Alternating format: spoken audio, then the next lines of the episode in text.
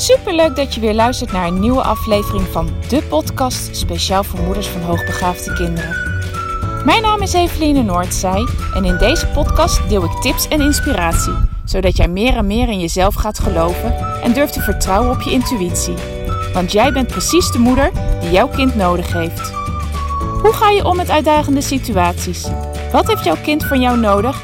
En hoe zorg je voor verandering in je gezinssituatie door jouw eigen persoonlijke groei? Ik heb er veel zin in om dit allemaal met jou te delen. Dus laten we voor vandaag maar gaan beginnen.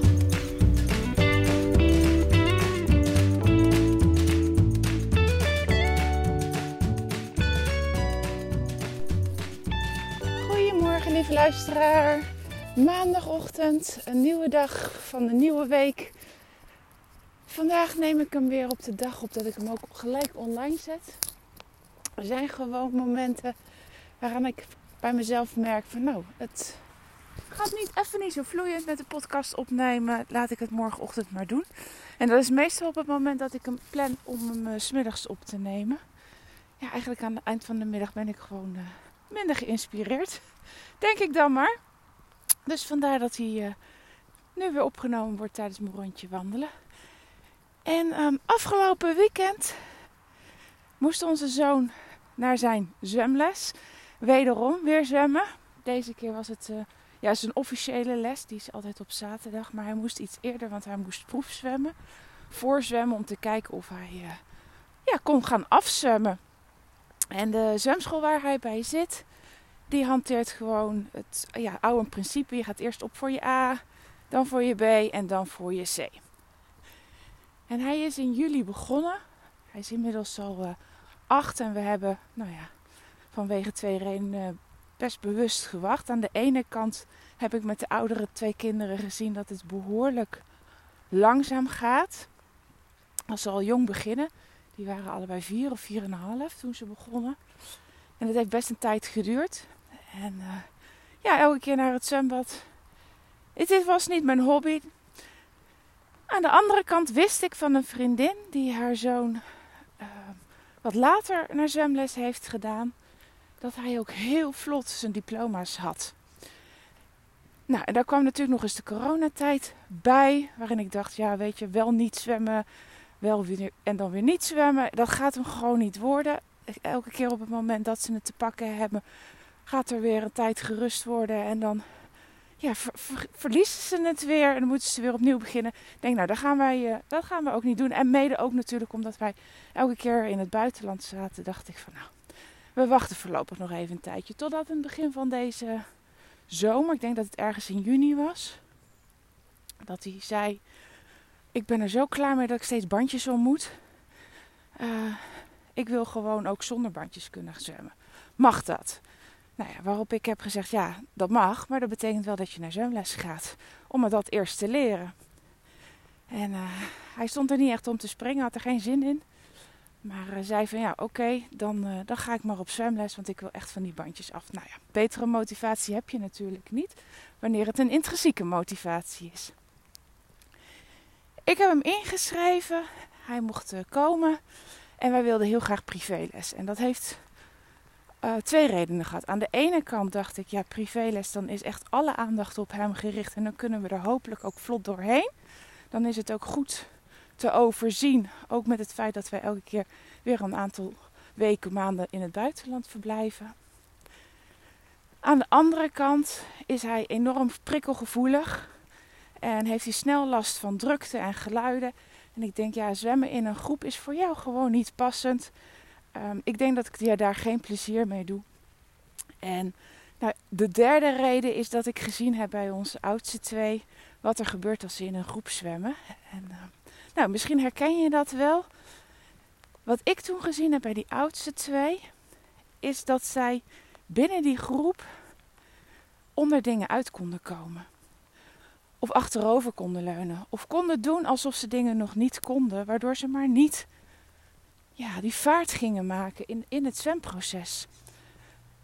En dit herken ik bij hen, onder andere in de zwemles, maar ook op school. En ik hoor het ook vaker van andere ouders, zowel tijdens de, hè, als het gaat over de zwemlessen als dat het gaat over school.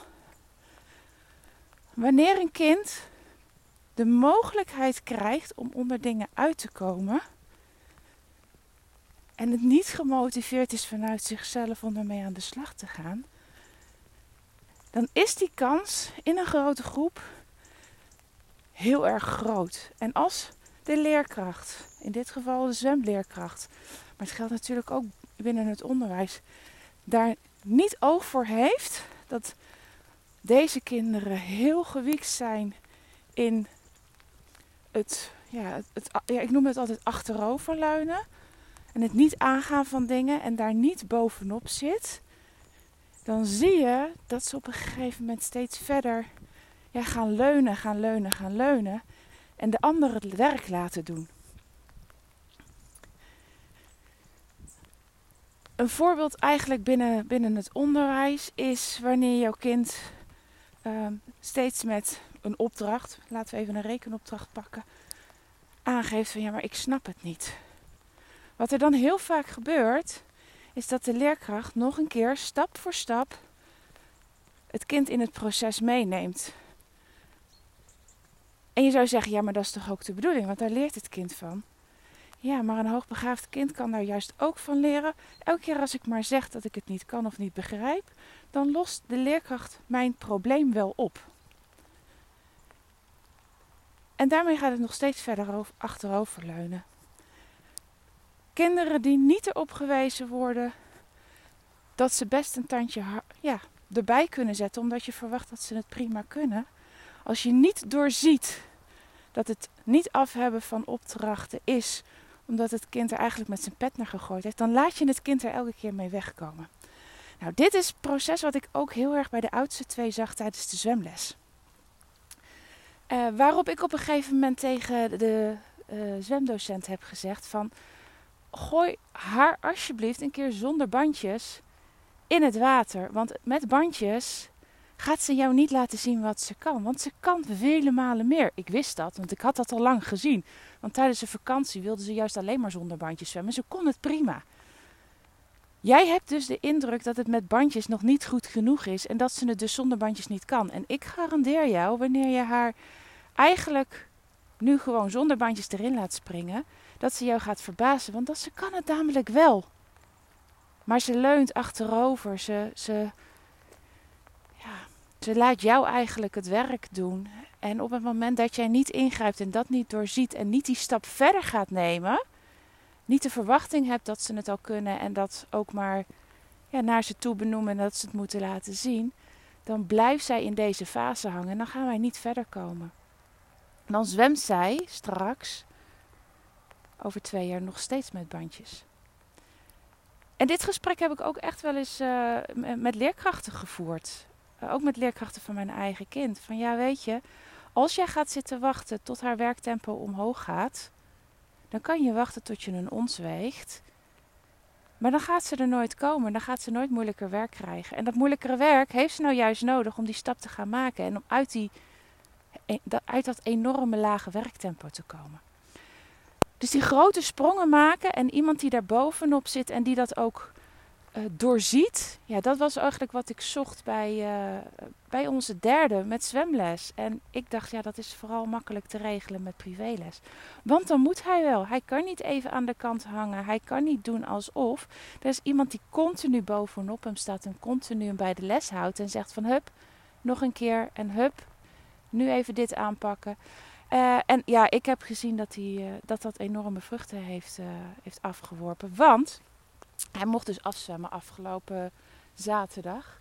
En uh, op een gegeven moment na een, uh, een uur, tenminste hij mocht niet afzwemmen, hij mocht voorzwemmen. Hè, of die mocht gaan afzwemmen, laat ik het wel even duidelijk vertellen.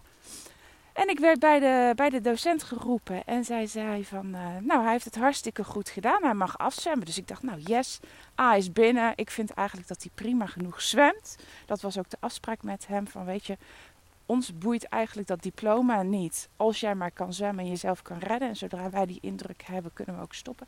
Dus ik had ook al het uh, zwemabonnement opgezegd. Ik had zoiets van, nou, A is binnen. Wij gaan uh, in de komende maanden gewoon met regelmaat met hem naar een zwembad om zijn zwemvaardigheid onder, te onderhouden. En dan uh, nou, verwacht ik eigenlijk gewoon zelf helemaal geen enkel probleem meer. Maar zij riep mij dus bij me en vertelde dus dat hij mocht afzwemmen. Nou, fijn. Ik denk dat is die in ieder geval binnen. Is voor hem toch ook wel fijn dat hij dan ja, toch dat bewijsje heeft. Uh, ook uh, in uh, richting zijn broer en zus. Dat hij zoiets heeft van: nee, weet je, ik kan ook wel wat. En ehm, zij vertelt me maar. Ehm, doe volgende week hem even een regenjas aan.